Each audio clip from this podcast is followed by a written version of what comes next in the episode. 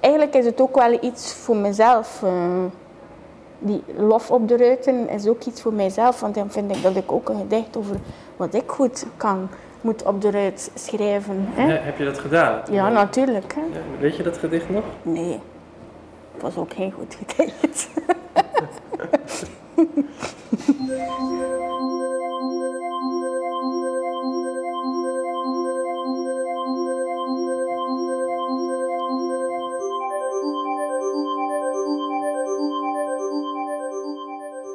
Welkom bij de podcast van de Voorleesbühne. Podium voor kort vreemdproza. De spin-off waarin we een van de schrijvers uitlichten. En deze week praten we met... Tine Monique.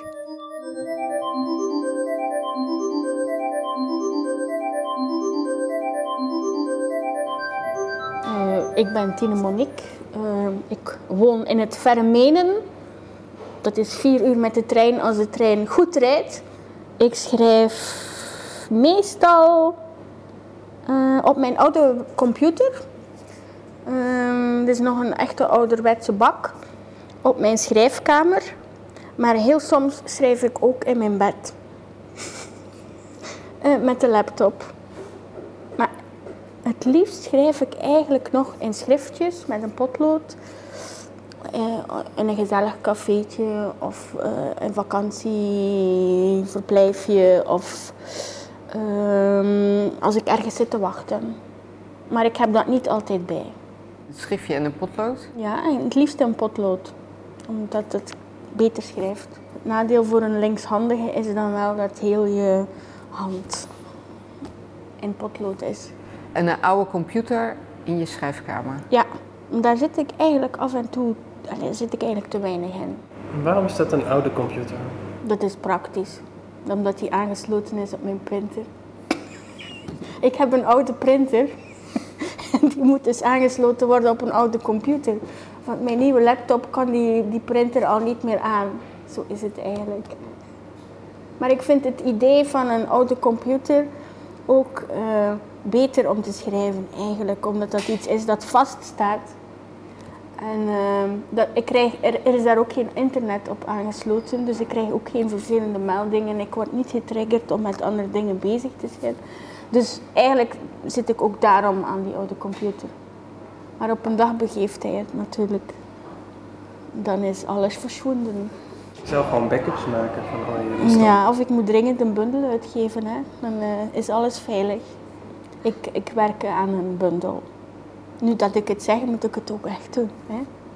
Eh, ja, ik werk aan een bundel en hij zou moeten af zijn op, eh, eh, op mijn verjaardag, op 28 februari. Dat wil zeggen dat hij moet opgestuurd zijn tegen dan. Dus hij zal nog niet klaar zijn, want mis- misschien is er wel niemand die het wil uitgeven, maar dan heb ik wel iets ingestuurd en heb ik iets afgewerkt. Want dat is een beetje een probleem, afwerken.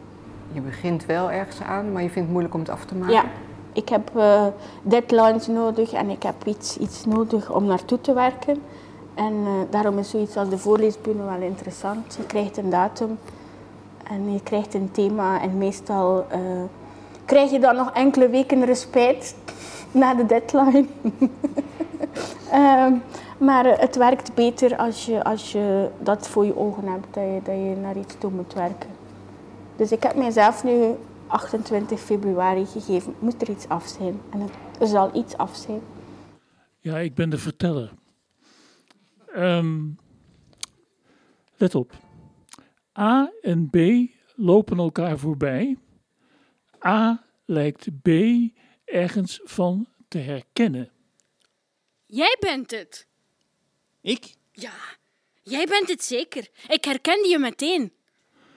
B bekijkt A van kop tot teen met neus in vieze lucht. Moet ik u kennen? Eh, nee, maar het zou wel mogen. Aangenaam, mijn naam is... B wil nu doorwandelen, maar A belemmert de doorgang, staat op tenen, schuurt tegen schenen. Misschien wil ik u niet kennen. Dacht u al aan die mogelijkheid?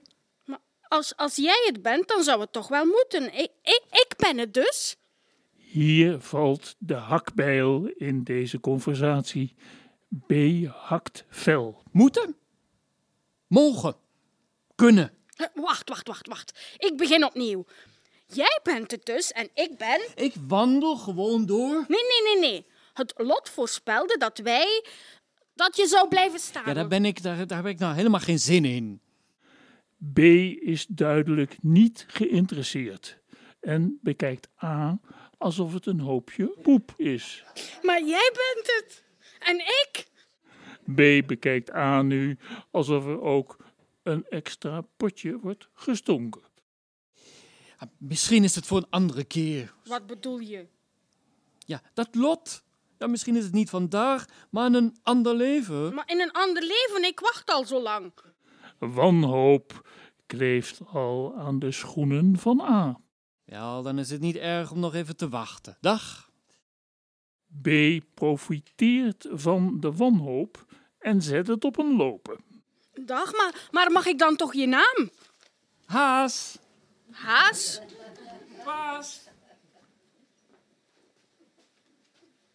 En het lot, bestemming onbekend.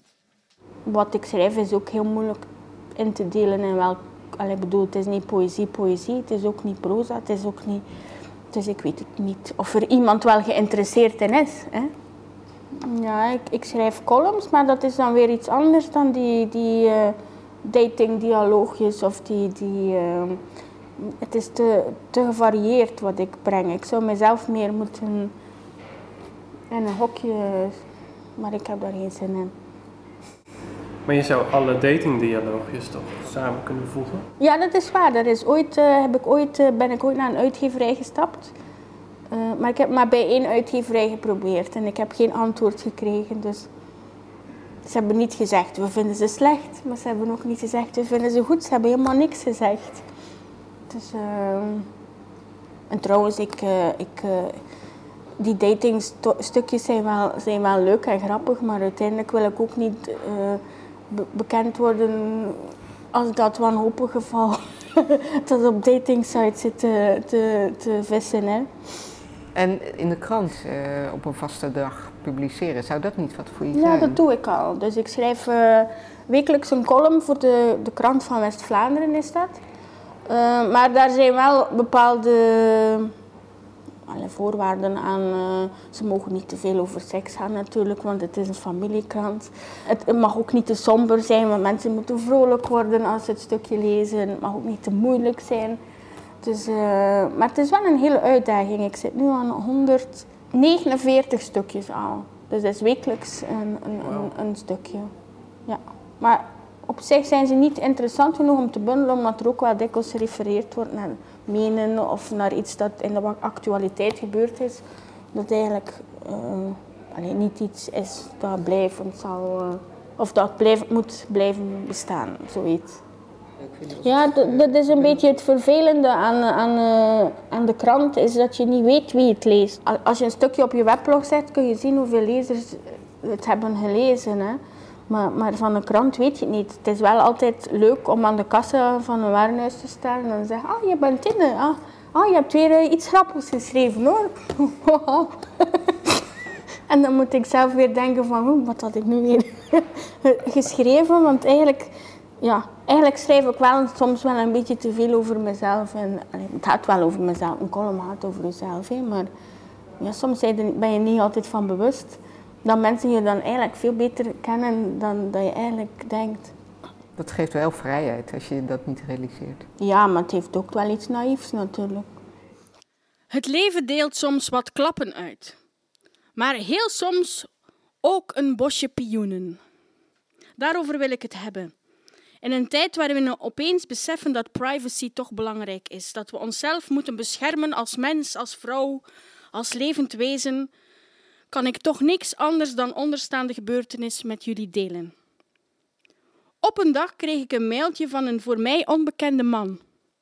Hij maakte zich bekend als 72-jarige lezer van mijn blog. En hij zag me meer dan 12 jaar geleden optreden en is me daarna beginnen volgen. Hij leest alles wat ik online publiceer en kent bijna alle projecten die ik in al die jaren heb bedacht. En nu wou hij me uitdagen tot iets simpels. Hij wou me voor al mijn schrijven bedanken. En dit met een ruiker pioenen uit zijn eigen tuin. Hij zou ze zelf komen overhandigen, aan de drempel. Hij daagde me uit tot het aanvaarden van dit boeket van een wild vreemde. Ik zag er weinig raten in, moet ik bekennen. Wie mijn naam intikt, ziet al heel snel waar ik woon en hoe me te bereiken. Maar toen ik op sociale media iets loste over dit bijzonder verzoek, zag ik toch heel wat mensen stijgeren. Je spreekt toch af op neutraal terrein. Je zorgt toch voor gezelschap. Wat eng. Je mag dit niet vertrouwen, niets voor niets. En ik bedacht hoe dubbel dat dat is. We plaatsen foto's van onze kinderen, onze huisdieren, onze lieven, onze tuin, onze nieuwe badkamer, onze nieuwe badkamer online, maar we zijn op onze hoede voor echte bloemen van een ander. Natuurlijk had ik wel een voorgevoel dat de man geen slechte bedoelingen had met zijn voorstel. Ik ben hem niet gaan napluizen en ik wachtte hem dinsdag op vol pioen verlangen. Twee ruikers had hij voor me mee en een mesje om ze schuin af te snijden. Hij vulde mijn vazen en weigerde de koffie. Twee uur had hij voor mij gereden en ging dan maar weer. De zoete geur van pioenen achterlatend. Hij weet het vast niet, maar ik ben hierna gaan huilen. Eerlijk waar. Omdat dit me leerde dat spontaan vertrouwen op wild vreemden zoveel schoner kan zijn dan bouwen op wie je denkt te kennen. Wantrouwen vult geen vazen. En bovenal, er is nog goedheid te bekennen. Als ik schrijf, dan hoor ik het ook. Dus dan ben ik eigenlijk wel aan het voordragen. Niet letterlijk, maar ja, het is een soort, het is een clichébeeld. Het is een soort trein in je hoofd. En, en je hoort die... Die cadans. Ja, maar het is niet dat ik ritmisch schrijf, maar ik hoor het wel. Dus um, op het moment dat ik schrijf, ben ik eigenlijk aan het voordragen. Sommige teksten moeten ook niet voorgedragen worden. Allee, bedoel, sommige teksten schrijf je echt omdat dat ze, dat geschreven moeten worden. Maar als je schrijft voor een bepaald doel, bijvoorbeeld nu voor de voorleesbühne, dan moet je het wel horen, vind ik. Um, en dan is dat voordragen even belangrijk. Niet belangrijker, maar... Let op, er zijn ook wel teksten, maar dat doe ik niet zo vaak meer. Dat je echt schrijft omdat je weet dat ze op een podium zullen werken. En dat ze op papier niet zullen werken. Dat is dan bijvoorbeeld in Poetry Slam, uh, ik, heb nog, ik heb dat ook nog gedaan vroeger, dan is dat veel meer gericht daarop. He. Dan, dan, dan werk je naar een auditief of een visueel ding toe. Hey, en lees je ook? Natuurlijk, maar veel te weinig. He. Ik, ik, moet daar wel weer in investeren, want lezen is wel goed. He. Ik lees. Het probleem is dat ik voor mijn werk dus ook heel veel moet lezen. Dus ik moet uh, teksten zoeken die leerlingen kunnen naar voren brengen. En dat maakt dat ik een beetje gehandicapt ben als lezer in die zin dat ik altijd in functie lees van mijn werk. Dus van, oh, dat stukje dat zou passen bij die. Oh, ja. En dat is heel moeilijk, want dan kan je niet echt ontspannen lezen. En ik vind dat je moet lezen. In de vakantie lees ik veel intenser. En op de trein, hè. dat is ook een voordeel van de voorleesbühne. Als ik naar hier kom, dan kan ik een boek lezen. dus ze moeten je gewoon elke keer uitnodigen. Ja. maar ja, ik lees dan echt wel heel snel hoor. Dan heb ik het probleem dat mijn boek al kan uit zijn en dan moet ik nog terugreizen. Hè. En dan, dan, moet ik, uh, dan verveel ik mij. Ciao, Valentino. Hoewel jij even Italiaans bent als Mama Miracoli, begroet ik je graag op passende wijze. Jij noemde me Bellatina. En even voelde ik me gevleid, want de kans dat iemand me zo noemt slinkt als een zakje spinazie in een wokpan. De eerste vraag die je me stelde was of je me een indiscrete vraag mocht stellen. Kijk, Valentino, dan ben ik als vrouw extra op mijn hoede. Indiscrete vragen vallen met de deur in huis. Op een datingsite hangt er vaak een dikke zweem platvloersheid aan dergelijke vragen. Ik verwachtte dus het ergste.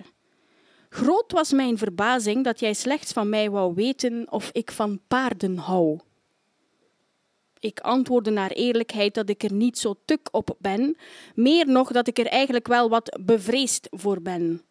Ik herinner me zelfs dat ik brrr tikte. Jij hoorde in gedachten vast een merrie in mijn antwoord, maar mijn brrr was een bibber.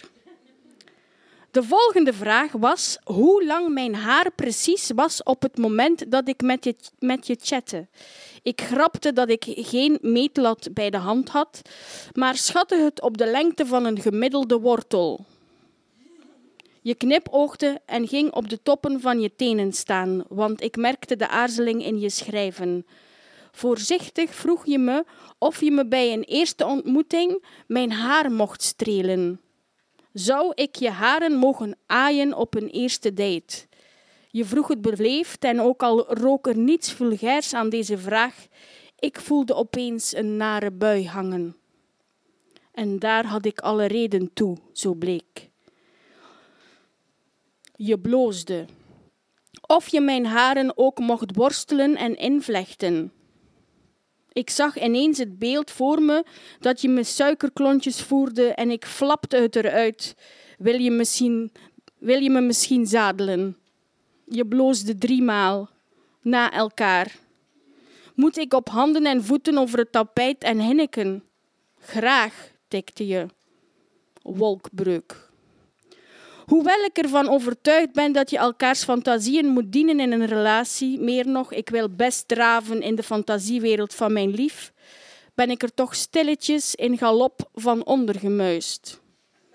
Jouw fantasme leek mij toch één grote nachtmerrie.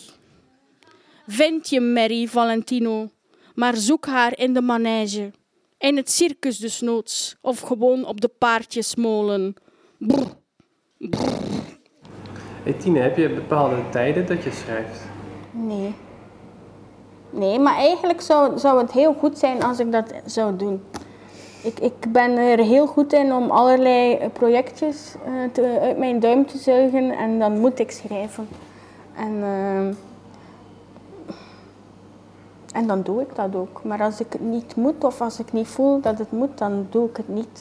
Ik ben een zeer luie schrijver, denk ik. Zo zou je het kunnen zeggen, maar volgens mij is je productie best hoog. Misschien, ja, ik weet het niet. Ik schrijf niet dagelijks hoor. Mensen, je hebt veel mensen die dagelijks schrijven of, of die, ja, die een ritueel hebben, maar dat heb ik niet. En je, je hebt wel een keer elke dag een brief geschreven. Ja, maar dat, daar, waren, er waren sommige mensen wel een beetje onthoogeld, hè, want het was geen literaire brief, dat was een gewone brief.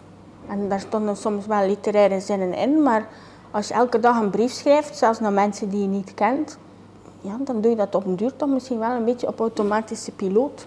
En dan eh, is dat geen literair afgewerkt product. Ehm, dat is gewoon een brief. Sommige mensen waren dan ontgoocheld omdat ze maar een gewone brief vonden. En zo heb je ook een project gedaan met dat je gedichten schreef voor andere mensen. Dat was vorige zomer. Vroeg ik aan de mensen dat ze moesten vertellen waarover ze trots waren. En dan schreef ik een gedicht op hun ruit. Dat ging over waar ze trots waren. En, en dat was een soort... Ja, dat is ook voor mijzelf. Eh, dan schrijf ik. Hè. Eh, dan kom ik ook buiten. Dan kom ik bij de mensen. Want eigenlijk ben ik niet zo sociaal. En ik moet mijzelf dan verplichten om, om aan te bellen en zeggen... Hey, ik kom hier een gedicht te schrijven. Maar ik ben natuurlijk ook van mening dat mensen dat ook wel eens meer mogen doen. Eh, om een keer met een eigen lof naar buiten te komen. Vooral in het diepe West-Vlaanderen zijn we allemaal zo bescheiden. En als je vraagt waar ben je trots op, dan zeggen ze oh, mijn werk of mijn, mijn eh, kinderen of mijn eh, hond. Ik kan een nieuw kunstje. maar het gaat nooit over wat ze zelf kunnen. En eh, dat wou ik een beetje, beetje uitpriegelen. Eh, en en eh, uiteindelijk werkt dat wel. Maar dat doe ik dan twee maanden en dan stop ik. Dat zijn eerlijk gezegd ook niet altijd mooie, schone gedichten.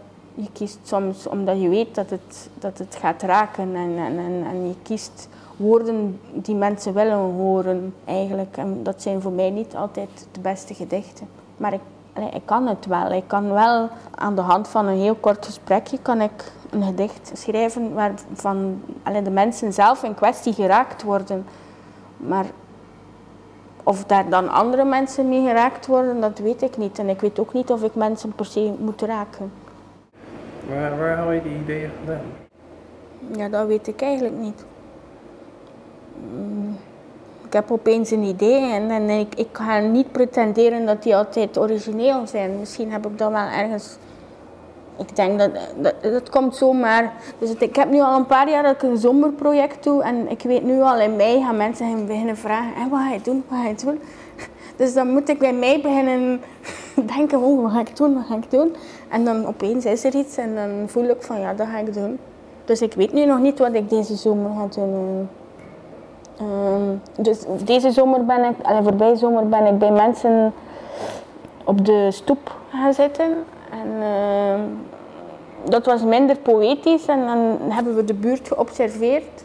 En het leuke was dat als je buiten zit met een tafeltje en een glaasje erbij, dat er dan mensen bij komen zitten. En ehm, mensen die misschien anders niet met elkaar babbelen, maar die wel in de buurt wonen. Eigenlijk is dat iets ouder, iets van vroeger. Eh, dus dat is niet iets origineels wat ik bedacht heb. Allee, ik bedoel, dat is gewoon iets dat ik bedacht. Dat wij dat veel te weinig doen om nog buiten te zitten. En ik- dacht dat dan vooral, dat is altijd wel een beetje in functie van mijzelf, dat ik heel veel mensen ken, maar dat mijn buren niet ken. Dus eigenlijk is het ook wel iets voor mezelf. eh, die lof op de ruiten is ook iets voor mijzelf, want dan vind ik dat ik ook een gedicht over wat ik goed kan, moet op de ruit schrijven. Hè? He- heb je dat gedaan? Ja, natuurlijk. Hè? Ja, Weet je dat gedicht nog? Nee, het was ook geen goed gedicht. ik, het moet wel leuk zijn. Hè? Ik heb ooit eens moeten eh, op een psychi- psychische therapie en moeten gaan bijzitten bij die vrouwen. Eh, daar ben ik niet zo goed in. Alleen, daar ben ik misschien wel goed in, maar het is niet dat ik mijn beroep daar wil eh, van maken. Allee, ik heb het liever wat lichter, ja. Misschien, eh, daarom doe ik eigenlijk die projectjes, om alles wat lichter te maken, denk ik. Tot zover het gesprek. En dan nu een fragment uit de december-editie. We gingen het doen, mijn man en ik. Al onze vrienden, bekenden en familieleden die langer dan een uur achter elkaar kunnen praten zonder vragen te stellen, uitnodigen op een zondagmiddag bij ons thuis voor een genoeglijk samenzijn. Een experiment. Het waren er vijftien die onze speciale uitnodiging hadden ontvangen. Allemaal lieten ze weten er te zullen zijn. Wij zelf waren er ook om de deur te openen, iedereen aan elkaar voor te stellen, te zorgen voor de materiële dingen die nodig zijn voor een genoeglijk samenzijn en om daarna om een hoekje te aanschouwen wat er gebeurt met vijftien mensen bij elkaar die allemaal heel goed kunnen praten, maar niet zo goed kunnen luisteren. We hadden ons mooie voorstellingen gemaakt van grappige kakofonieën en boeiende confrontaties. Wie wist het vaakst het woord te bemachtigen en wie veranderde er van de weeromstuit van een spraakwaterval in een luisteraar tegen wil en dank? Toen iedereen binnen was en aan elkaar voorgesteld, verdwenen wij snel naar de keuken om de versnaperingen te regelen. We verkneukelden ons over de taferelen die komen gingen. Hoe anders kan het lopen? Binnen vijf minuten stond onze hele keuken vol en werden wij omstoet door vrienden, bekenden en familieleden die, allemaal in lichte paniekstemming, op zoek waren naar een luisterend oor. Honderd jaar geleden dwaalde ik nog rond op de steppen. Eigenlijk weet ik niet zeker of het honderd jaar geleden was. Het voelt langer. Ik ben geboren in 1973. Honderd jaar geleden was ik schaapherder op een steppe. Het was er ruig, onherbergzaam en ik voelde me gelukkig, al was dat geen term die we in die tijd gebruikten. Ik was gewoon schaapherder omdat ik dat was en ik was met mijn schapen. Ik kende al mijn schapen, hun nukken, hun zwakheden en hun charmes. Nu denk je misschien dat schapen geen charmes hebben, maar die hebben ze dus wel. Honderd of, of meer jaar geleden, in een andere tijd, in een andere dimensie, zelf was ik schaapherder. Het was in een tijd dat er nog geen vuurtorens waren. Vuurtorens die boodschappen uitzenden naar schepen. Ik had in die tijd nog nooit een vuurtoren gezien. Laat staan een schip, laat staan een zee. Niemand had mij ooit over de zee verteld. Toch Toch droomde ik elke nacht als ik de schapen in een veilige vallei had geloodst en de zon onder was gegaan van de zee. De zee riep me. De golven, de vissen, de krabbetjes, de schelpen, de zeemensen. Allemaal riepen ze verlangend naar me dat ik moest komen, dat ik ze een belangrijke boodschap voor me hadden. Altijd werd ik wakker met een droge, zoute smaak in mijn mond die ik wegspoelde met schapenmelk. Ik ging nooit naar de zee omdat ik schaapherder was. Nu, ben ik totaal iemand anders, een vrouw uit 1973 die geen schaapherder is, die nooit over de zee droomt, die geen boodschap krijgt van de zee en die nooit een droge, zoute mond heeft. Toch weet ik dat ik ooit schaapherder was, die sterk naar de zee verlangde.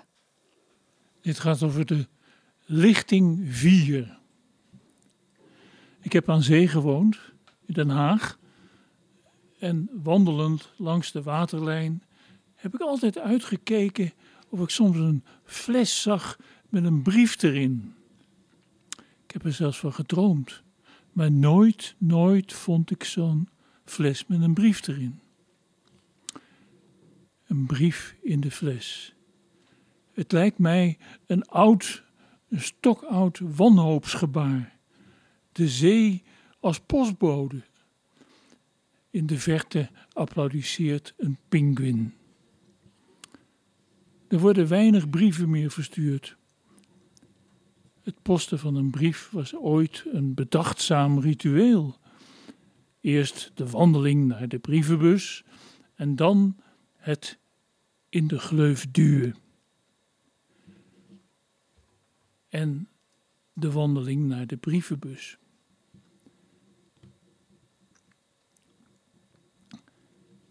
Er zaten vroeger een soort klepjes in die gleuf van die brievenbus.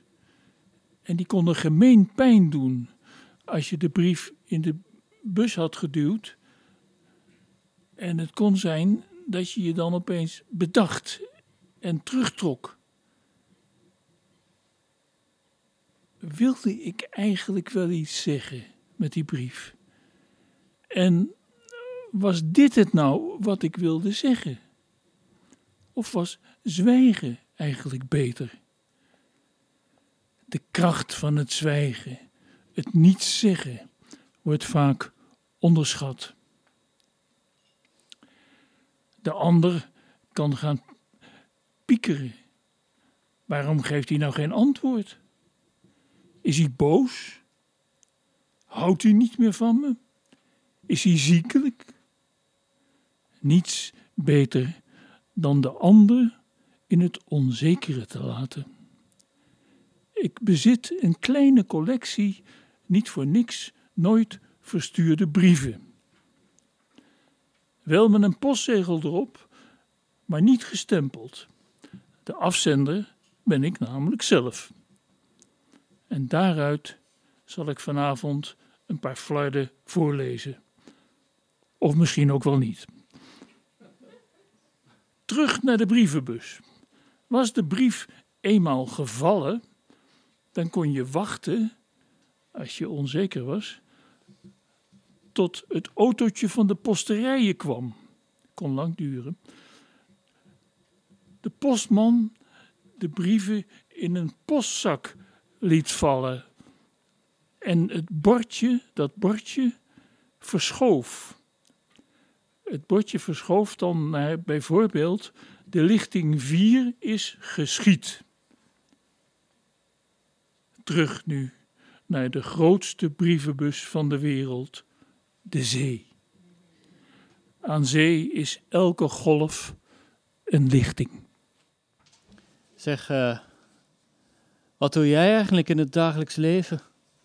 Uh, ik doe de was, ik uh, poep en plas, ik koop kattenvoer en eten, ik geef de planten water, maar meestal te laat. Ik zit op Tinder mannen te swipen. Ik zet de wifi s ochtends aan en s'avonds weer uit. Ik maak gemberthee, ik drink koffie. Ik vraag aan mijn kind of ze haar huiswerk maakt. Uh, ik zeg tegen geneeskundestudenten dat voor jezelf opkomen de hiërarchische cultuur in een ziekenhuis kan veranderen. Ik doe een cursus in wonderen. Ik begraaf mijn kat.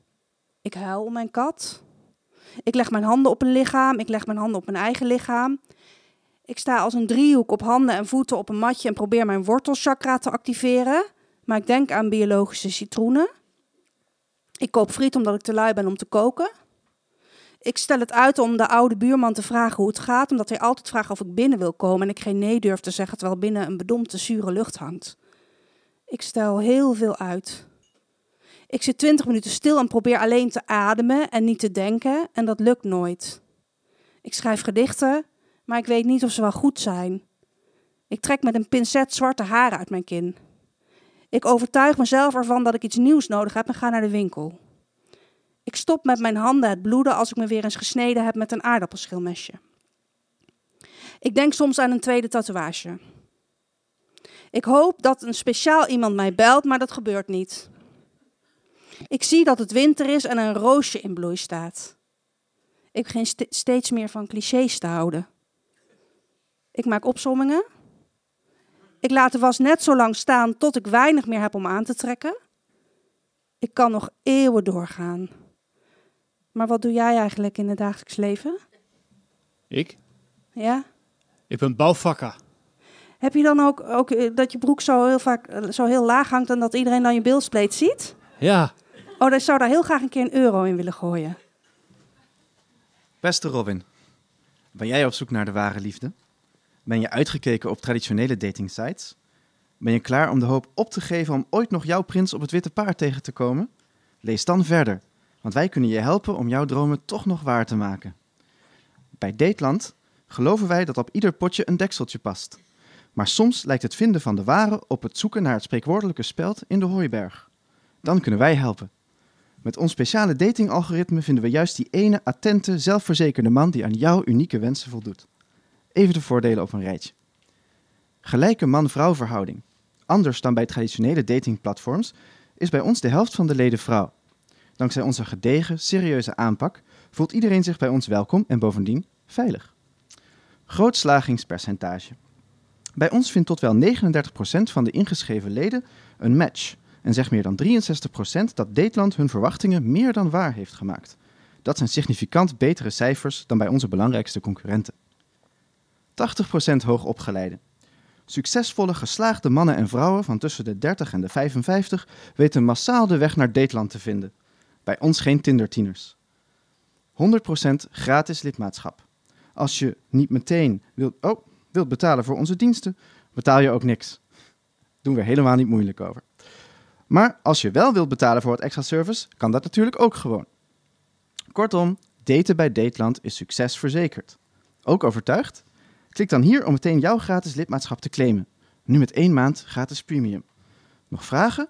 Onze klantenservice staat 24 uur per dag en 7 dagen per week voor je klaar. Hopelijk tot snel op dateland.nl, het Dateland team. Verliefdheid is besmettelijk in dit huis. Nee, het hangt gewoon in de lucht. Katers sproeien aandacht voor mijn deur en mijn kat Frida riekt zich helemaal kierwiet. Maar net als ik vindt ze die ware niet.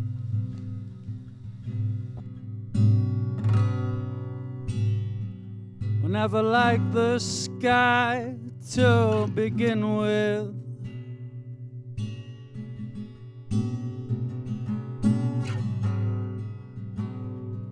I see you looking at the light and the linen.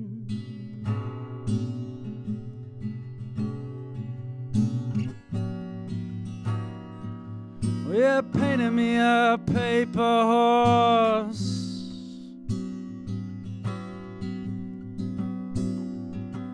I dropped it down the stream.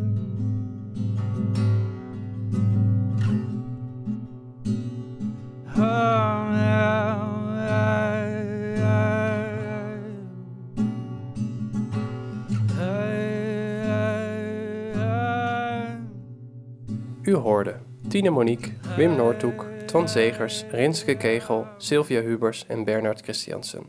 De muziek was van Tim Barry en het openingsdeuntje kwam van de special act van de decembereditie van de Spullenmannen, genaamd Science Fiction Theater. Deze podcast werd gemaakt door Marion van Laarhoven. En mijzelf, Leonard Borro. Eigenlijk zou ik het allemaal een beetje serieuzer moeten nemen en dan zou het ah, allemaal serieuzer zijn. Ik zie het nog te veel als een spielerijtje, een, eh, een hobby. En eigenlijk is dat niet zo. Eigenlijk ben je er altijd mee bezig. Ja. Het is echt wel je werk. Mm, Ja, maar het is niet mijn werk.